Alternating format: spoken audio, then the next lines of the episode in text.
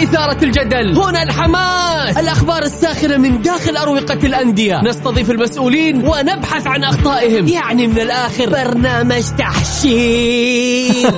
دقيقة دقيقة. تحشير إيه يا حبيبي؟ ما يحتاج كل هذا الأكشن. الوضع مختلف تماما. بناخذكم في جولة خفيفة. نناقش فيها مواضيع الرياضة ببساطة. أخبار رياضية حصريات معلومات فنية وتكتيكية ولقاءات مع لاعبين ونقاد ومسؤولين. معانا في الجولة.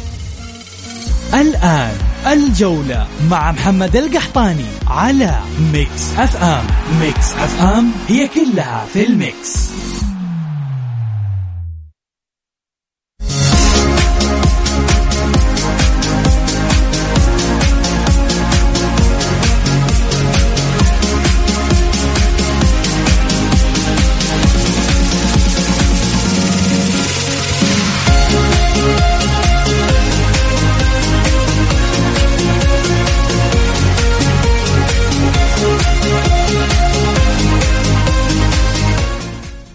يا هلا وسهلا مساكم الله بالخير وحياكم معنا في برنامج الجولة على Mix FM. معي أنا محمد القحطاني.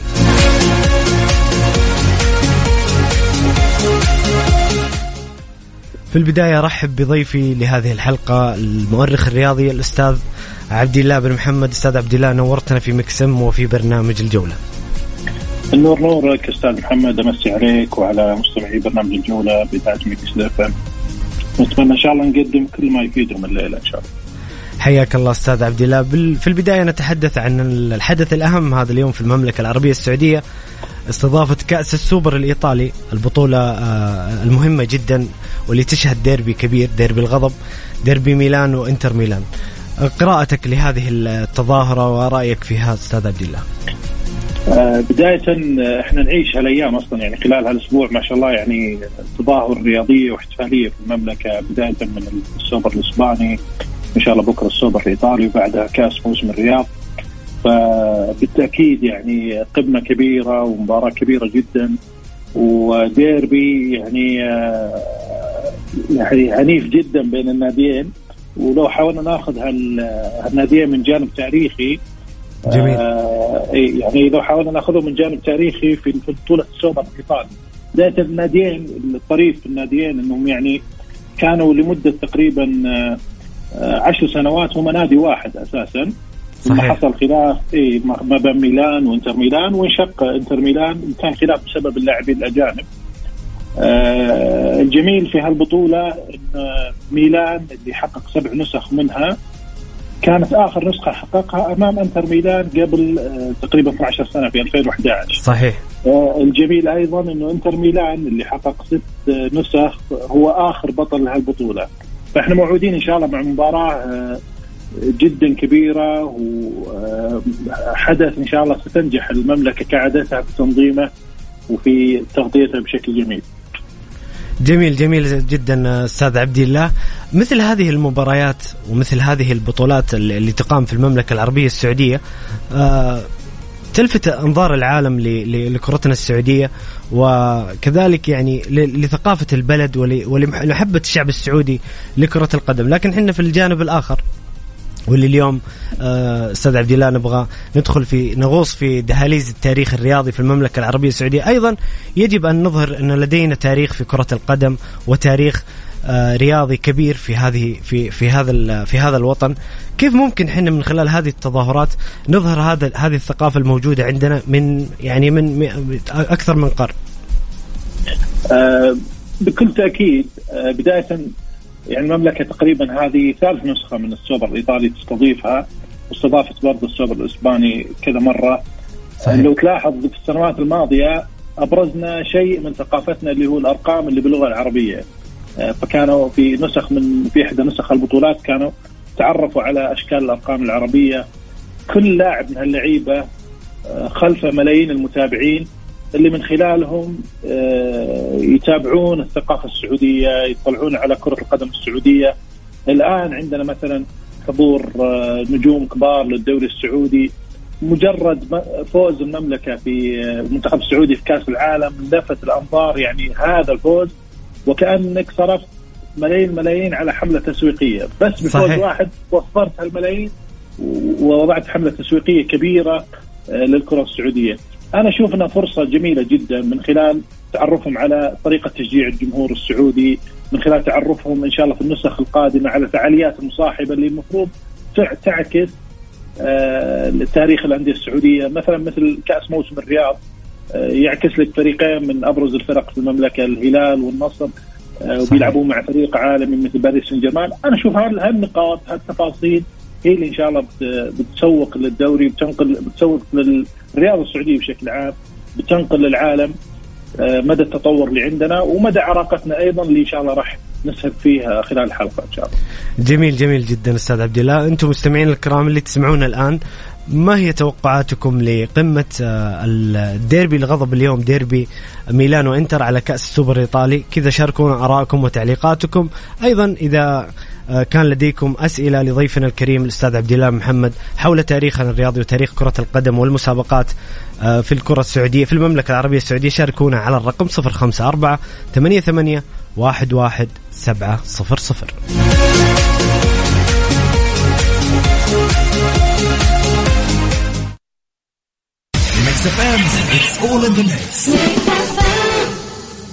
الجولة مع محمد القحطاني على Mix FM. Mix FM هي كلها في ال mix.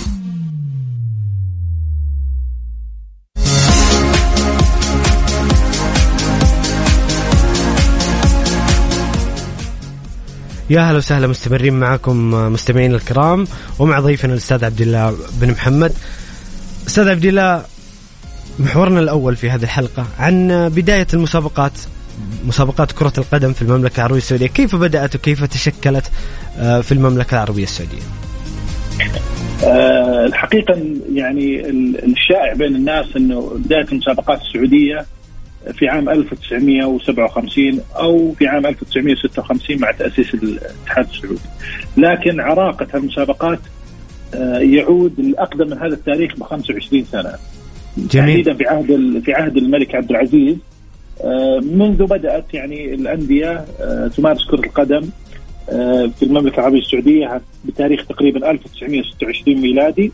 ثم بعد تكون عدد من الفرق نظمت أول مسابقة وكانت ما هي تحت الإشراف الرسمي في عام 1932 لتقريبا كأس بشير الدين جوهدري. كانت بين انديه في مكة. نظمت برضه مسابقة بعدها في نفس العام كأس بن ياسين. ولكن أول مسابقة يعني آه لا زال فيه أحد الفرق اللي حققها موجود إلى الآن اللي هي كاس نيشان ناظر نظمت في 1933 كلها في مكة أستاذ عبد الله؟ كل هذه البطولات أقيمت في مكة؟ نيشان ناظر كانت في مدينة جدة وحصل عليها نادي الاتحاد. جميل. في في المنطقة الشرقية أيضا في عام 1950 نظمت كأس رئيس ديوان الإمارة وحققها نادي الاتفاق. لو تلاحظ كل هالبطولات اللي تحدثنا عنها الفترة الماضية هذه الفترة هذه من 26 حتى 50 كلها كانت تنظم من الأعيان من من التجار. في عام 1952 هنا دخل آه، رائد الرياضه الأمير عبد الله الفيصل اللي كان وقتها رحمه الله اللي كان وقتها وزير إيه، وزير الداخلية. آه، استقطب عدد من الخبراء المصريين اللي هم مصطفى منصور وحسن علي وخليل التاوي هالخبراء هم اللي وضعوا بذرة أول المسابقات الرسمية فنظمت على كأس آه، سموة بطولة في عام 1952 آه، بين فرق جدة ومكة. آه، هالبطوله تعتبر هي بذره البطولات الرسمية السعودية وهالفريق اللي هم فريق الخبراء هذول اللي هم مصطفى منصور وحسن بن علي وخليل التاوي هم من وضعوا أيضا بذره تأسيس الاتحاد السعودي وبالتالي لوائح أول البطولات آه، اللي هم كاس الملك وكاس ولي العهد في انطلاقته في عام 1957 فلو لو لاحظنا إنه تقريبا في 25 بطولة يعني أنا ذكرت لك أمثلة 25 بطولة نظمت ما بين 1932 حتى 1956 اللي هو كل هذه البطولات ولا أقطع حديثك إيه. أستاذ عبد الله كل هذه البطولات قبل تأسيس الاتحاد السعودي لكرة القدم. أحسنت أحسنت. في بعضها اكتمل وفي بعضها آه، ما ما ما حالفها الحظ بالاكتمال. وفي بعضها أرخ وفي بعضها ما وجدنا له وثائق لكن سمعناها من بعض الحاضرين في تلك الفترة أو من آه، أبنائهم. آه، لكن اللي اللي موثق ومؤرخة نتائجه تقريبا 25 بطولة هذه كانت في عهد الملك المؤسس. هل هل عمق التاريخ اللي تعطيه هالبطولات مو في في كميتها ولا في ولا في آليتها لكن يعطي عمق إن الرياضه وتنظيم المسابقات في المملكة يعني تعتبر المملكة تقريبا الأولى في المنطقة في في أو الأقدم في المنطقة على مستوى الخليج على مستوى الشرق الأوسط من أقدم الدول اللي بدأت تنظم مسابقات كرة القدم.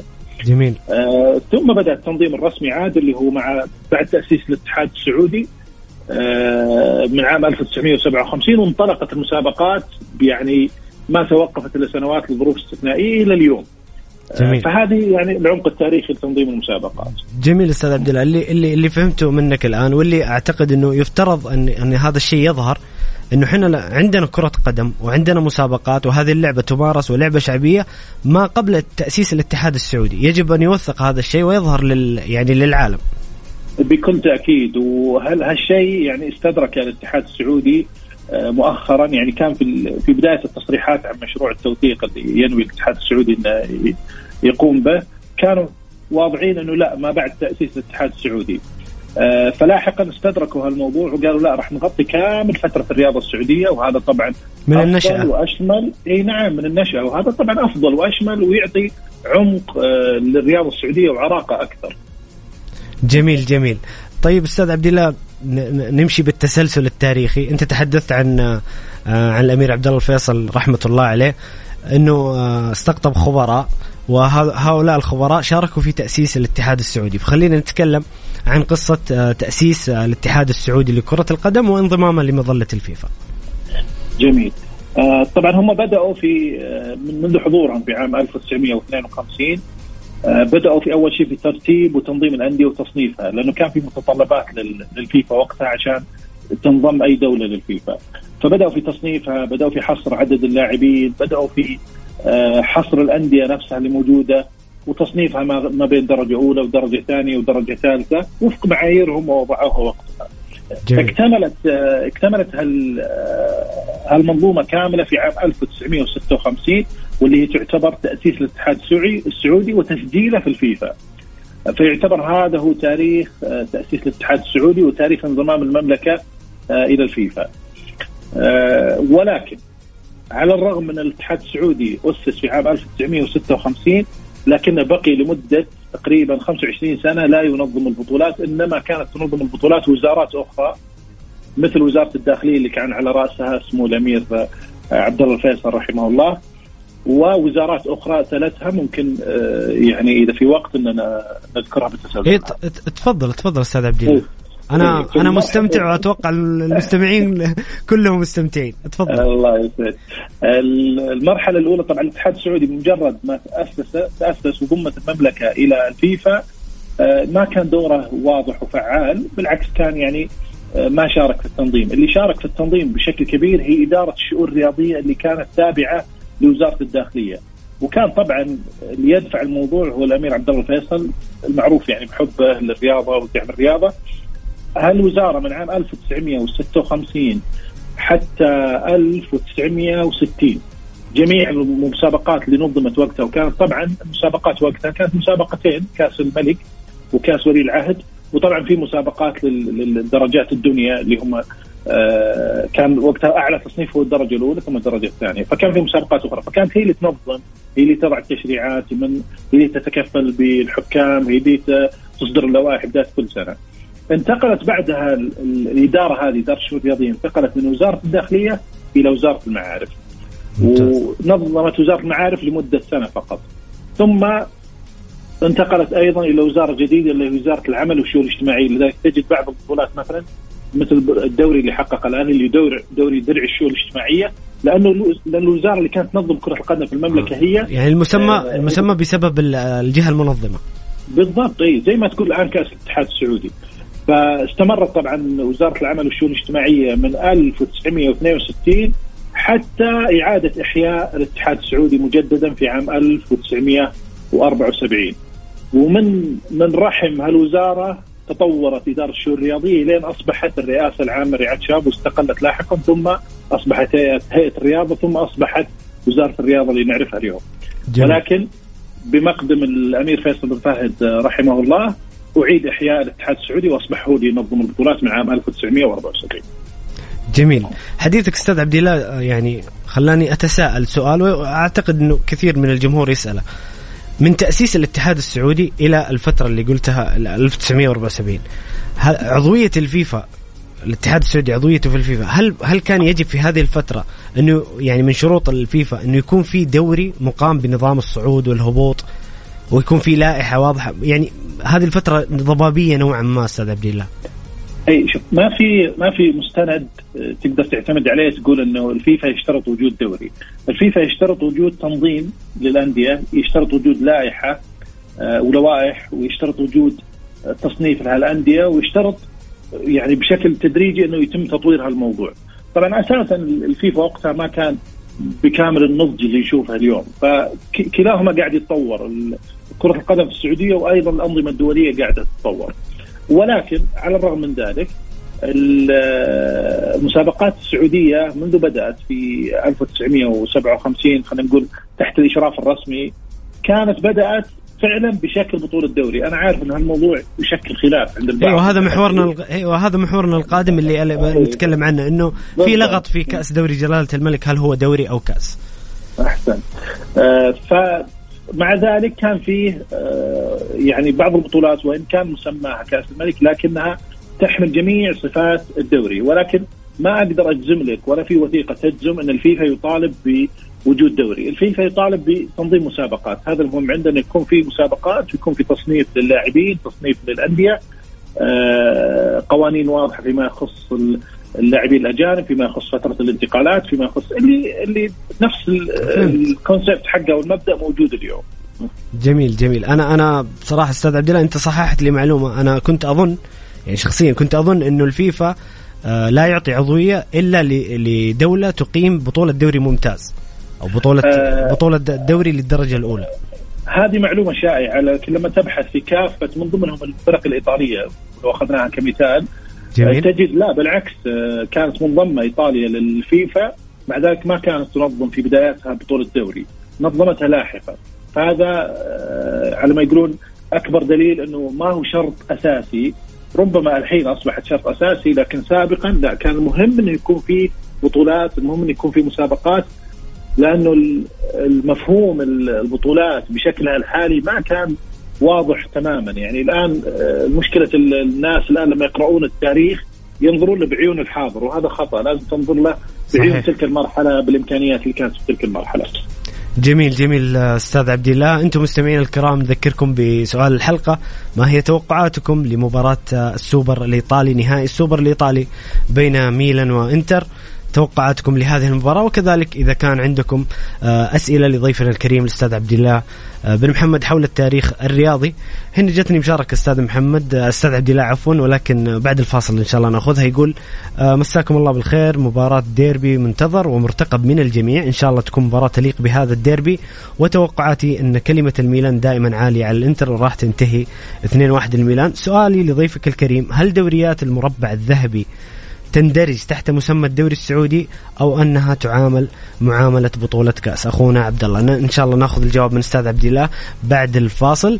آه، شاركونا على الرقم 054 88 11700 الجولة مع محمد القحطاني على Mix FM. Mix FM هي كلها في ال mix.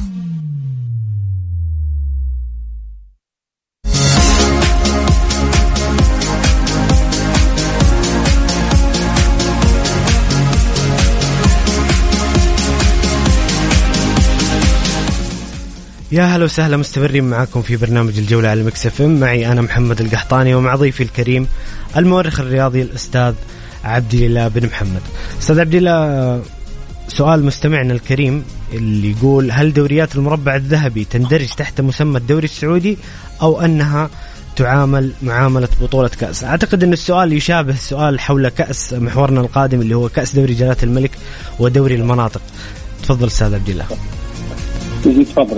آه، بداية لو على السريع كذا نأصل أصلا لكلمة دوري. يعني لما تبحث في جميع آه، آه، دول العالم عن كلمة دوري فتجد أن تقريبا تنطبق فيها أربع إلى خمس شروط. أي بطولة تنطبق فيها الشروط فهي بطولة دوري بغض النظر عن مسماها.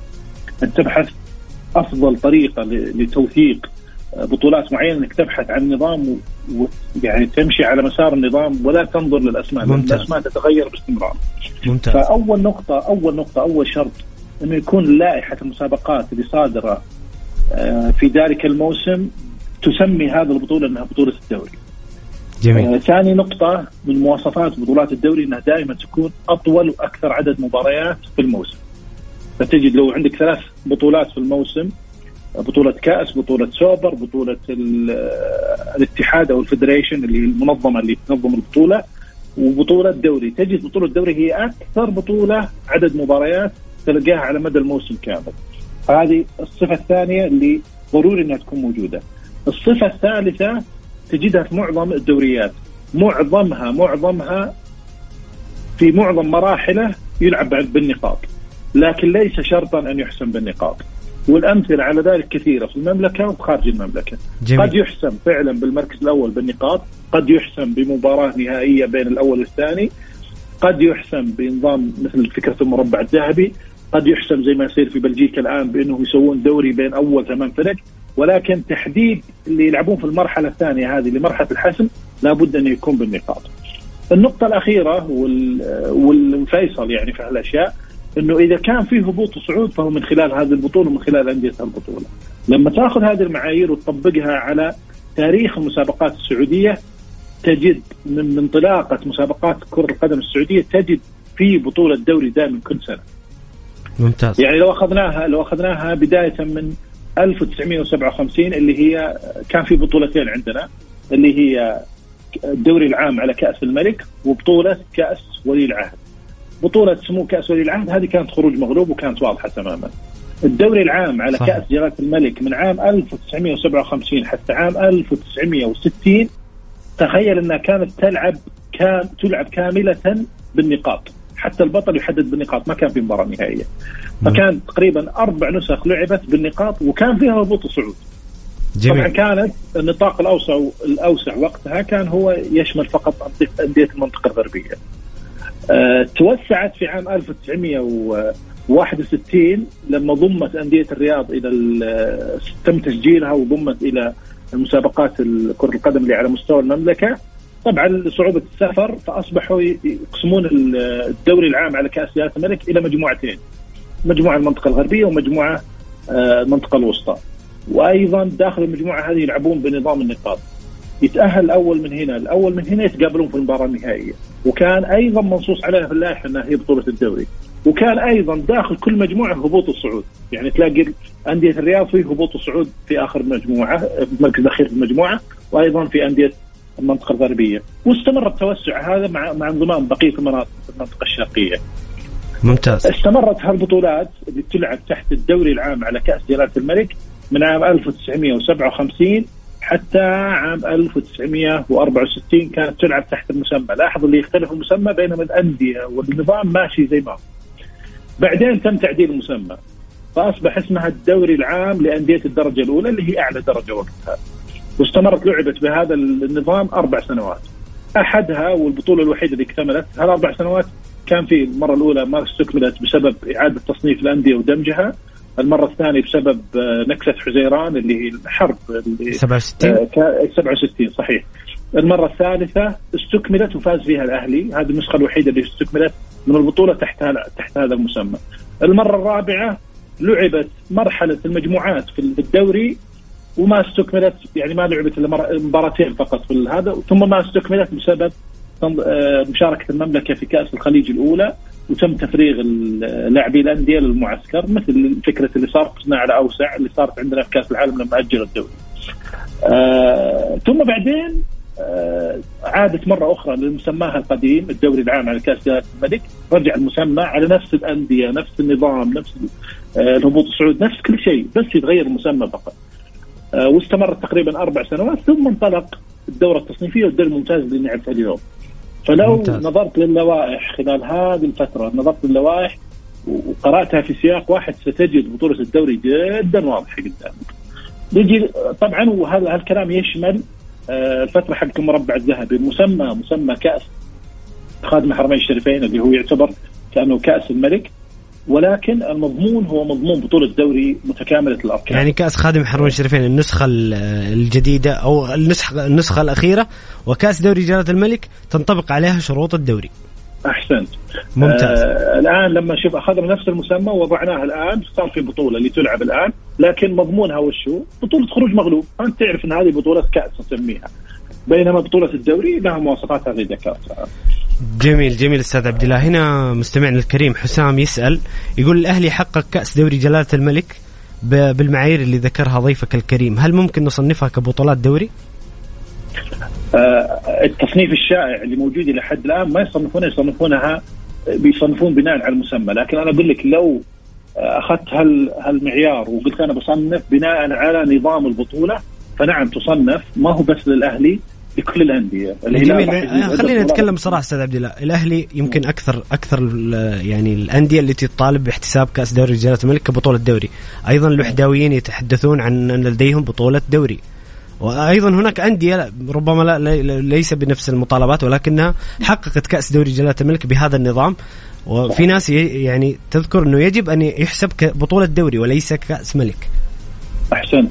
وطبعا هذا من أهم الأشياء اللي لازم الفريق اللي راح يكون المشروع اللي راح يكونه الاتحاد السعودي مشروع التوثيق لازم يحسم الجدل في هذا الموضوع وفق ما يحسمه فقط بقرار آه، صامت كذا لا لازم وفق معايير وفق آه، شيء مقنع. لذلك أنا أشوف إن عندهم تحدي إنهم يصححون مسار آه، تاريخ الدوري السعودي. أنت لو لو احتسبت بشكل بالنظام أنت راح تمد في عراقة الدوري السعودي تقريبا 50 سنة إضافية. صحيح. آه إي فتعطي عمق أكثر لبطولة الدوري عندك يصير عندك وضوح أكثر آه تتغير حسبات كثير. المجمل مجمل البطولات ما راح يتغير الانديه لكن راح يتغير التصنيف جوا. صحيح. آه يعني على سبيل المثال الاهلي على سبيل المثال للحصر الأهلي ستتحول بطولات كأس الملك تخصم منه بطولات كأس الملك وتصبح بطولات دوري. إي إحنا لا نحاول نقرأ الموضوع بالمعيارين اللي هو مسمى النظام إحنا نقول لك الأهلي حقق أو الاتحاد أو الهلال أي نادي. نقول لك هذه حقق بالنظام الدوري وكانت مسمياتها كالتالي. ونذكر لك ترى كان من ضمن مسمياتها آه، إنها في فرق مرحلة من المراحل كانت تسمى بكأس الملك. وحقق بطولات الكأس اللي هي كب اللي هي البطولات خروج المغلوب. حقق هذا العدد وكان من ضمنها في فترة كانت تسمى كأس الملك. لكن لو تيجي تبغى تقول أنا بناظرها بالمسمى بقول لك هذه مرة ثانية راح اعكسها لك راح أقول لك حقق الأهلي عدد كذا بكأس الملك لكن ترى نظام هذه كان كذا نظامها خروج مغلوب ونظام هذه النسخة كان دور دوري وهكذا. فلا بد أن يكون في وضوح مرة وتنوير للشارع الرياضي من خلال اللوائح. أنا والله إحنا متفائلين أستاذ عبد الله إنه إن شاء الله هذا المشروع يعني يحسم الجدل واللغط يوضح الأمور. وزي ما ذكرت أنت أستاذ عبد الله ذكرت نقطة مهمة جدا. هذا يعطي عمق رياض عمق رياضي كبير للمملكة العربية السعودية وإن مسابقات كرة القدم وبطولة الدوري آه، قبل المو... الإعلان اللي تم عنه اللي في السبعينات بكثير يعني. صحيح. آه الشيء الآخر إن إن اللي كانوا في الفترة هذه الفترة القديمه ما قبل بداية الدوري الممتاز اللي نعرفه اليوم كانوا يتعاملون فعلا مع هذه البطولات على انها بطولات دوري.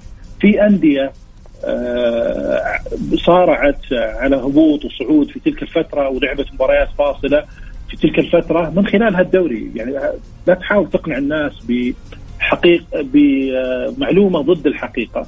إنك تقول له لا ما كان فيها لا هبوط صعود ولا كان فيها صحيح. والدوري للاسف أنت هذا التصنيف الشائع لك فعلا إنه الدوري بدأ في 1977 آه، لكن لا لو بحثت ودققت في اللوائح ووضعت معيار ستجد أقدم آه، وأنا عارف إن فيها تحدي الناس تعودوا على معلومة معينة لكن هذه مهمة المؤرخين ومهمة الاتحاد السعودي إنه يصحح المعلومة يأخذ الخطوه الشجاعة هذه.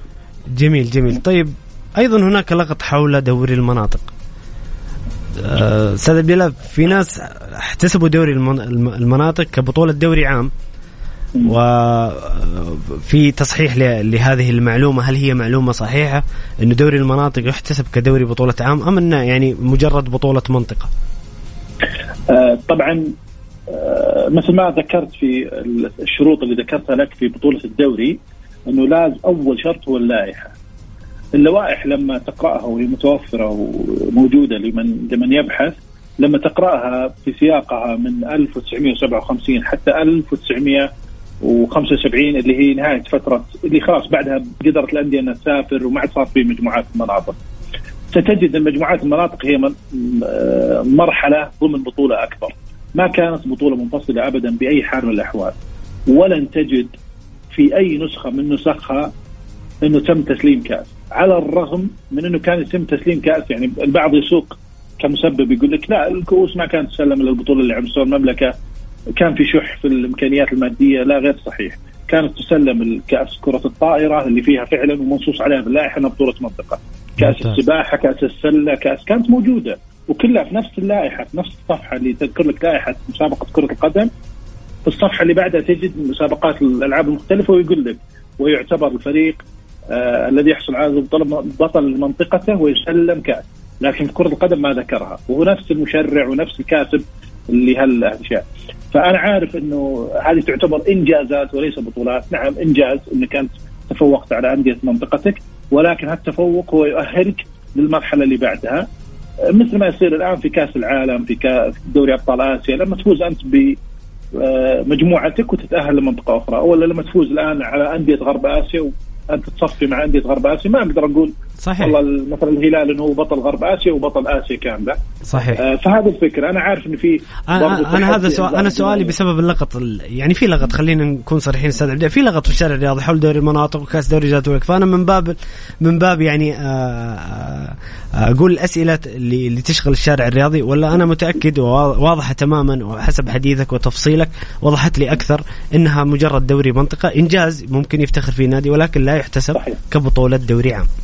صحيح. ولا ولا يتكأ في مثل هالنقاشات أو مثل هالاستعراض هالبطولات على عنوان الصحفي آه، في الجريده دائما مرجعنا دائما هو اللائحة.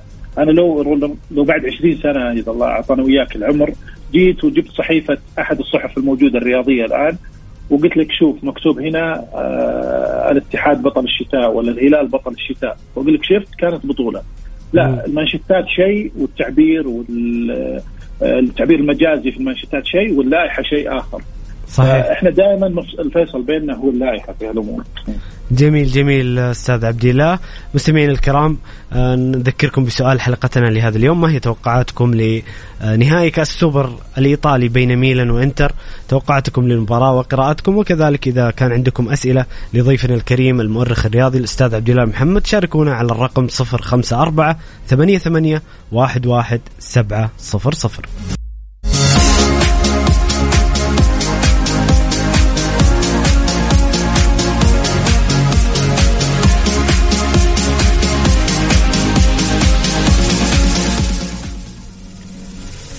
Kia K five Kia K 5 HEV حينما تجتمع الأناقة والاستدامة في سيارة واحدة يمتلكها اليوم بدون دفعة أولى وبأقساط شهرية تبدأ من 2060 ريال. العرض ساري حتى 28 فبراير. تطبق الشروط والأحكام.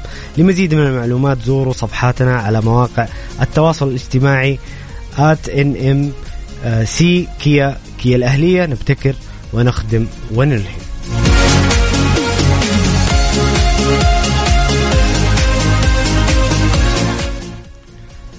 K 5 HEV هنا المعد يضحك على على الخطأ المطبعي عموما أستاذ عبد الله آه سؤال أخونا فواز يقول يحييك طبعا ويقول سؤالي للضيف الكريم.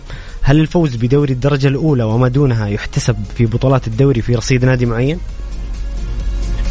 آه طيب فيه الآن حسب آه، تصنيف البطولات. بالطبع البطولات الدوري هو هذا من ضمن بطولات الدوري ولكن لا لا يعطى بنفس الوزن اللي للبطوله الدرجة الأعلى على سبيل المثال آه، نادي النصر حاليا جميل. آه، يضع مجموع بطولاته نختلف أو نتفق في نتكلم عن الدوري سواء الحسبة الشائعة أو الحسبة اللي يضعها لكن مع ذلك لم يضع بطولة الدرجة الثانية لما صعد النصر تقريبا في عام 1963 صعد من الدرجة الثانية كبطل لأندية الدرجة الثانية إلى أندية الدرجة الأولى اللي كانت اعلى درجة وقتها.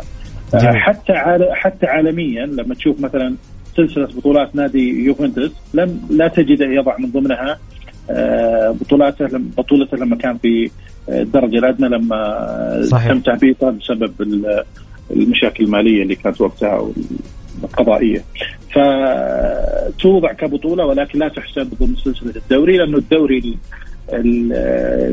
سلسله الدوري تضع توضع لنفس الدرجة لنفس التصنيف.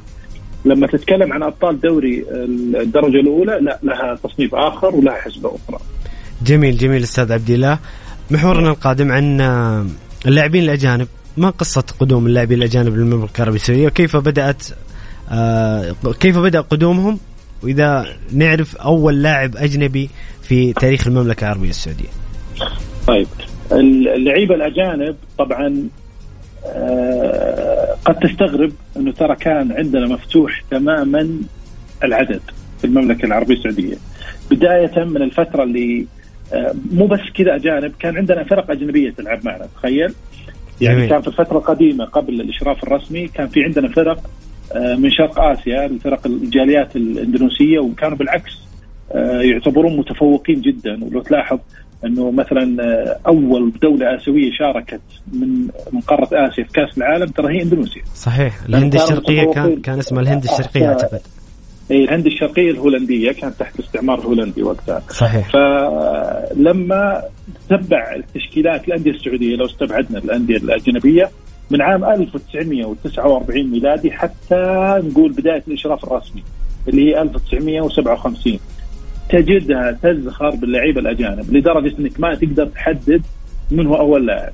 من مختلف الجنسيات سودانيين مصريين آه، آه، من من كل الجنسيات حتى في مرحلة من المراحل. يعني أعطيك مثال في البطولة اللي ذكرناها كاس سمو الأمير عبد الله الفيصل وزير الداخلية في 1952 تخيل مثلا حارس الأهلي في البطولة ترى كان الماني اسمه الكسندر آه كان في لعيبة من من من نجوم الكرة المصرية اللي هم آه عبد رب النبي وتوتو وعبد الكريم صقر. كان الاتحاد على سبيل المثال كان عنده أحد هذول يا أستاذ عبد يعني أبرز الأجانب ما نقول إحنا عرفنا أول أجنبي ولكن هذول أبرز الأجانب اللي في البدايات. هذول كانوا أبرز الأجانب. حتى كان كان هم قوة الأندية وكان مثلا في الاتحاد كان في عبد الحفيظ ميرغني وسيد مصطفى في الوحدة جربان وبشرى عبد عبد الله عبد الماجد في الأهلي ويافعي. فكانوا هذول مشهورين جدا وقتها لدرجة إنه كان يصير في خلافات بين في داخل إدارة الأندية بين إنه ليه يعني اللعيبة الأجانب أكثر من اللعيبة المحليين. بل أعطيك شيء طريف في عام 1952 بعدها راح انتقل للتسلسل التاريخي. في عام 1952 نادي الزاهر بمجرد تأسيسه أعلن عن 11 لاعب أجنبي من تشكيلته. فكان الوضع مفتوح حتى وصل الإشراف الرسمي، الإشراف الرسمي آه قنن. حاول ينظم الموضوع قنن الموضوع جدا. في عام 1957 وزارة الداخلية قالت ما يزيد عدد اللاعبين الأجانب إلا عن خمسة لاعبين. وكاس كأس ولي العهد ما يكون فيها اجانب تكون فقط للعيبة المحليين ثم 1960 خفضوها إلى أربع اجانب ثم منع الأجانب تماما من عام 1961 حتى 1975 اللي هي بدايه الدوري الممتاز. رجع مرة ثانية الأجانب بحيث إن كل فريق يحضر ثلاثة أجانب ولكن ما يلعب في الملعب إلا اثنين. ثم آه، تم تخفيضهم إلى واحد بعام 1982 ثم مرة ثانية منعوا منع الأجانب من عام 1982 حتى أواخر 1993 ورجعت بنفس الآلية ثلاثة في في الفريق كامل واثنين في الملعب. ثم بدأ الموضوع يتطور من ستة إلى سبعة إلى اليوم اصبحوا ثمان أجانب. والحقيقة انه لو حاولنا نوجز الفائدة من الموضوع والمضار ما تقدر تحكم فيها يحتاج لها نقاش. في فترة من الفترات كان غياب الأجانب آه، سبب نهضة للكره السعودية. شفنا منتخبنا في عام 1994 هو كله الفترة اللي قبله كلها ما كان في أجانب في الدوري. صحيح. لكن في نفس الوقت في الوقت الحالي تجد القرار القرار في صالح الكرة السعودية زود الاحتكاك شفنا مستوى مستوى المنتخب في المونديال. آه رفع الرتم في الدوري والرتم اللعب. جد جدا خلق منافسة قوية زاد من وعي اللاعبين المحليين زاد من احتكاكهم بنجوم عالميين. فهي تختلف على حسب المعطيات. لكن بالإجمال آه أنا أشوف أنها خلقت إثارة أكبر. آه حتى الآن نشوف صار في استقطاب لنجوم كبار جدا آه، للدوري السعودي. جلبت إعلام جلبت قوة للدوري آه، وشفنا إنجازات للأندية على مستوى قاري شفنا إنجازات للمنتخب وإن شاء الله نتمنى الأكثر والأكثر إن شاء الله. بإذن الله بإذن الله. أستاذ عبد الله آه شكرا لك شكرا آه، لوقتك شكرا لما قدمت من محتوى بصراحة استثنائي بدون أي مجاملة والله بدون أي مجاملة. أنا جدا كنت مستمتع في الحلقة كنت أتمنى أنه عندي وقت أكثر آه لكن بإذن الله في قادم الأيام نغوص أكثر في دهاليز التاريخ ونتحدث أكثر. شكرا أستاذ عبد الله على وقتك. ألف شكر لك أستاذ محمد على استضافتك وعلى برنامجك الجميل. أنا من المتابعين لك بصراحة. الله يعطيك العافية وشاكر ومقدر لك على هالفرصة الجميلة و ان شاء الله نشوف ديربي جميل الليلة ومباراة حلوة. شكرا لك. بإذن الله. شكرا لك أستاذ عبد الله. في أمان الله.